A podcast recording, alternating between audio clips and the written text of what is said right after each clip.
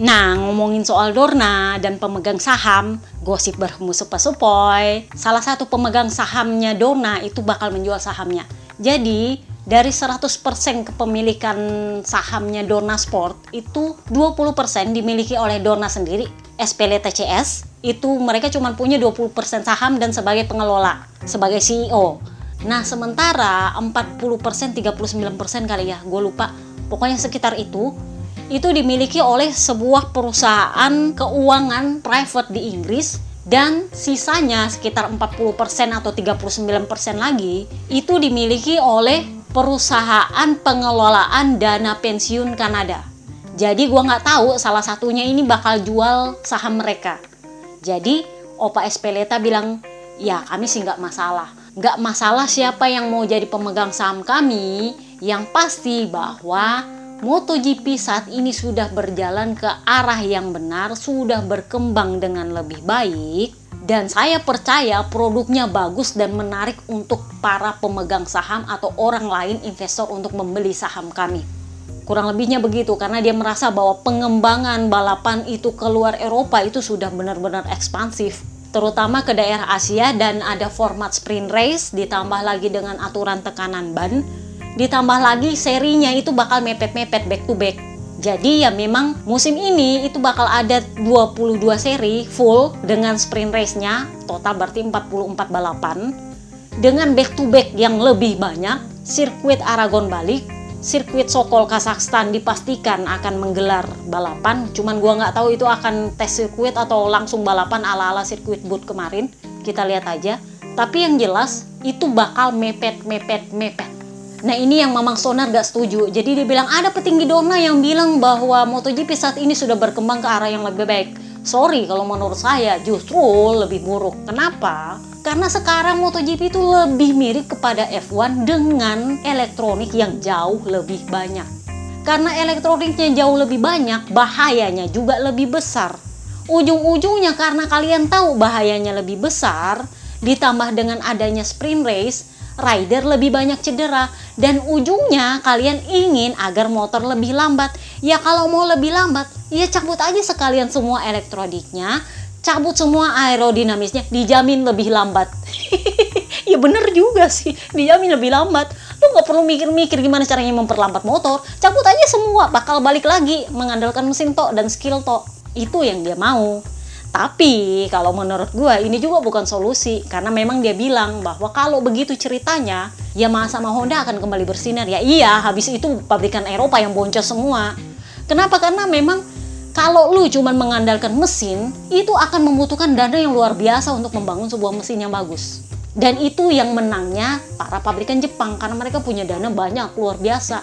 Mau ngembangin mesin silahkan. Sementara pabrikan Eropa pengembangan mesinnya terbatas, itulah kenapa mereka mengakalinya dengan aerodinamis. Itu yang dilakukan oleh Papi Perigigi. Gaji rider dikecilin, mesinnya dibatasi, bikin aja mesin yang mau powernya susah diatur kayak apa kayak terserah, tetapi diakali pakai aerodinamis. Nah, sementara pabrikan Jepang itu berani jor-joran untuk bangun mesin misilihnya idili itu mesin yang dibangun. Boncos semua udah boncos semua. Part baru aerodinamis itu nggak ada yang nyantol nggak ada yang cocok. Jadinya double mereka punya buang duit. Sementara pabrikan Eropa ya bikin aja mesin kayak gitu. Nanti diakali pakai aerodinamisnya. Aerodinamisnya yang bekerja untuk menyesuaikan dengan mesin. Jadi kalau elektroniknya dicabut dan aerodinamis dicabut ya boncos lagi lah itu para pabrikan Eropa. MSMA nggak bakal setuju, jelas. Pabrikan Eropa 3, pabrikan Jepang 2. Bener nggak? Jadi ya, gua nggak yakin Ducati sendiri juga akan setuju dengan idenya Stoner ini. Mbuh lah ya. Jadi memang musim ini akan digelar 22 seri. Indonesia itu akan gelar Oktober kalau nggak salah ya.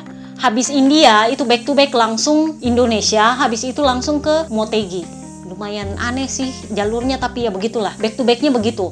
Jadi kalau kemarin India langsung Motegi back to back musim ini India back to back Indonesia back to back Motegi. Sepang kembali lagi menjadi sirkuit kedua terakhir di akhir musim setelah musim kemarin Qatar yang menjadi kedua terakhir. Tahun ini Sepang kembali menjadi seri kedua sebelum akhir musim karena Qatar kembali menjadi seri pembuka. Nah, ngomongin soal 22 seri dan 44 balapan, calon ikan new resmi gagal Jorge Martin wanti-wanti nih sama Michelin. Jadi dia bilang, tolong Ban Goib, tolong kontrol kualitas lu itu diperbaiki. Kenapa? Karena kita akan balapan full 22 seri, 44 balapan dan banyak yang back to back terutama di luar Eropa dan itu tentu selain menguras fisik juga menguras mental.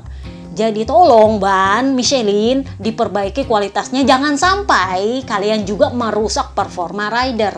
Nah ini yang ditanggapi oleh si Bakso Taramaso. Jadi dia bilang, justru Michelin dengan adanya format sprint race ini, kami itu justru semakin ketat dengan ban. Kenapa? Karena kami hampir tidak bisa bernapas berusaha untuk menyediakan ban tepat waktu, terutama karena banyak yang back to back. Jadi, jangan pernah meragukan kualitas kami. Ehe, yakin? Justru gue merasa makin hektik balapan ini, semakin kacau orang, dan semakin gak ada perhatian soal KW1, KW2, dan apes. Semoga gue salah bahwa Ori akan turun 3 biji musim ini. Satu tetap ke yang punya, yang dua itu bakal ke pabrikan Jepang, ke rider utama mereka. Kenapa? Karena mereka perlu dibantu untuk memperbaiki performa agar bisa cepat keluar dari konsesi. Jadi kemarin ada yang tanya, jadi Maro bakal dapat nggak? Ya kalau Papa Yohan absen mungkin, itu pun kalau yang ganti Papa Yohan bukan KTPS. Kalau yang ganti adalah KTPS ya nggak bakal dapat Maro. Sorry to say. Nah, ngomongin soal Maro, kemarin nih si Lu kemarin ini ngomong, jadi dia bilang, Ya mungkin foto saya ketika saya masih kecil dengan baju Repsol itu adalah sebuah takdir bahwa saya akan bergabung dengan tim Repsol di Honda. Karena waktu saya masih kecil, sebenarnya saya sendiri juga lupa-lupa ingat itu ceritanya ada apa waktu saya pakai itu. Tapi memang waktu kecil itu, itu adalah warna-warna yang merajai dunia balap motor. Karena kakaknya kan kemarin menang pakai warna itu waktu masih di Honda. Ingat? Jadi warna oranye warna kuning itu adalah warna yang familiar buat dia waktu masih kecil. Jadi menurut dia ya anggaplah itu takdir. Tapi memang tujuan saya bergabung dengan Honda adalah karena saya percaya bahwa proyek ini itu akan kembali jurdun jadi memang agak mengejutkan seorang Mark Marquez yang dibesarkan oleh Honda yang dalam tanda kutip dilahirkan oleh Honda sorry to say ABR dilahirkan oleh Honda itu berani hengkang dan memutus kontraknya. Karena memang itu memberikan kesan bahwa memang motor Honda itu lagi bapuk-bapuk banget. Saking bapuknya, seorang Jurdun yang dilahirkan sendiri oleh Honda itu berani hengkang. Tapi begitu saya masuk, saya dan tim saya dan manajer saya itu mencoba melakukan pendekatan yang baik dengan proyek ini dan saya rasa ketika saya mengendarai motor ini pertama kali gak seburuk itu kok. Tapi mungkin karena ini baru kesan pertama. Tetapi target saya itu adalah bagaimana saya bisa mengalahkan teammate saya, Papa Yohan nih, dia jadi incaran duluan pertama. Gimana saya bisa mengalahkan teammate saya di klasemen itu adalah target pertama saya. Lalu bagaimana caranya supaya motor ini menang dan selanjutnya gimana caranya supaya kemenangan itu lebih reguler dan setelah itu saya percaya motor ini bakal jurdun lagi.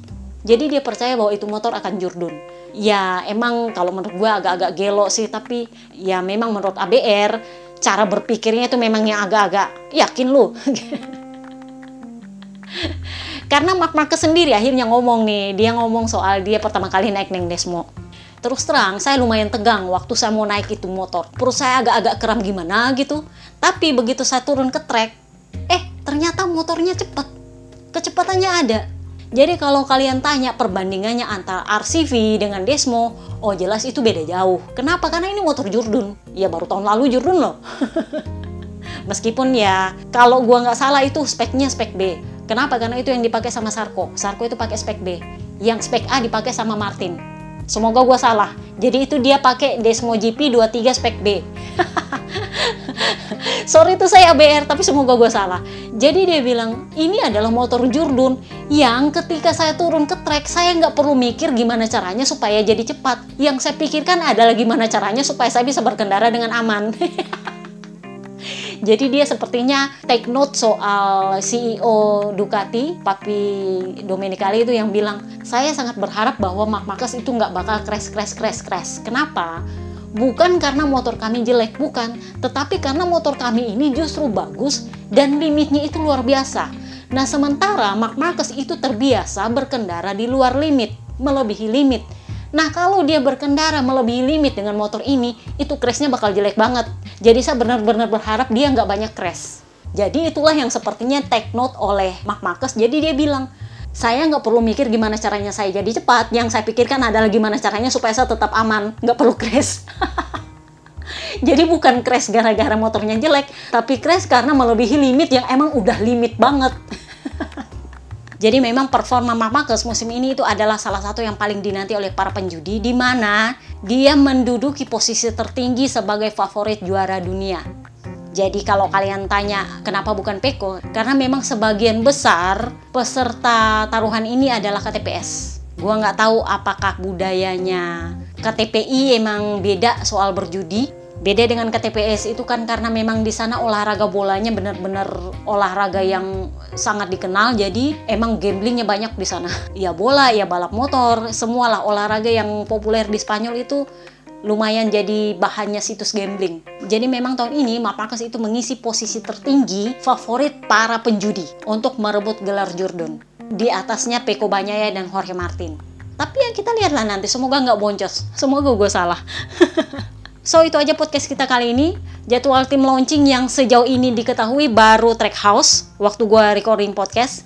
Masih belum diketahui kapan Pertamina Enduro VR 46 Racing Team. Buset panjang banget. akhirnya mereka resmi ganti nama. VR46 akhirnya resmi jadi tim Akamsi Indonesia karena sponsor utamanya adalah perusahaan BUMN Indonesia. Kita nggak tahu liverynya bakal gimana, gue juga pinisirin dan kapan launchingnya? Tapi gue ngarep-ngarepnya nih. Mas Menteri Erick Thohir kira-kira denger nggak ya? Bisa nggak sih mereka launchingnya di Indonesia?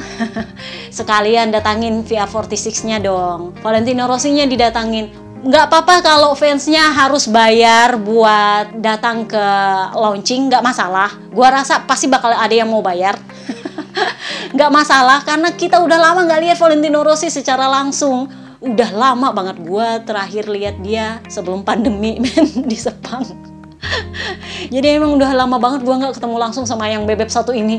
Jadi kalau boleh tim launchingnya di Indonesia liverynya nggak masalah mau yang bikin Pertamina kek mau yang bikin VR46 kek mau Aldo Drudi kek terserah. Kalau bisa Bebe Valenya datang nggak apa-apa sama Baby Julieta nggak apa-apa. Sekalian aja nggak apa-apa. Gue pengen lihat juga anaknya mau kalian suruh kami bayar nggak masalah. Yang penting jangan mahal-mahal amat. Nggak apa-apa lah yang penting rame. Kita udah lama nggak ngumpul-ngumpul kan lagi FBR bener nggak sih?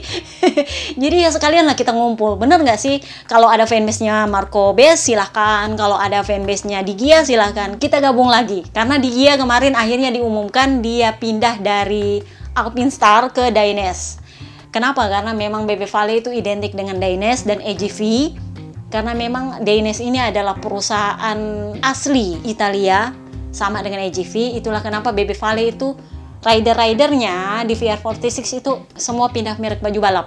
Kalau kalian tanya kenapa Peko beda ya karena dia kan di tim pabrikan bukan di tim VR46 kurang lebihnya sih seperti itu. Ada yang nanya, tapi kan Alpinster itu adalah perusahaan Italia juga. Iya, tapi sekarang Italia bukan lagi pemegang saham terbesarnya mereka, tapi perusahaan Amerika kalau nggak salah. Mereka itu pusatnya di California. Jadi nanti kemungkinan Papa Ali sama Rolf Fernandez kalau wirepacknya juga dari Alpinstar bakal nongol ke sana juga. Kurang lebihnya sih seperti itu. So, itu aja podcast kita kali ini. Panjang banget ya, gue pikirnya pendek loh. Ternyata jadinya panjang. See you next time guys. Sorry kalau panjang. Bye-bye.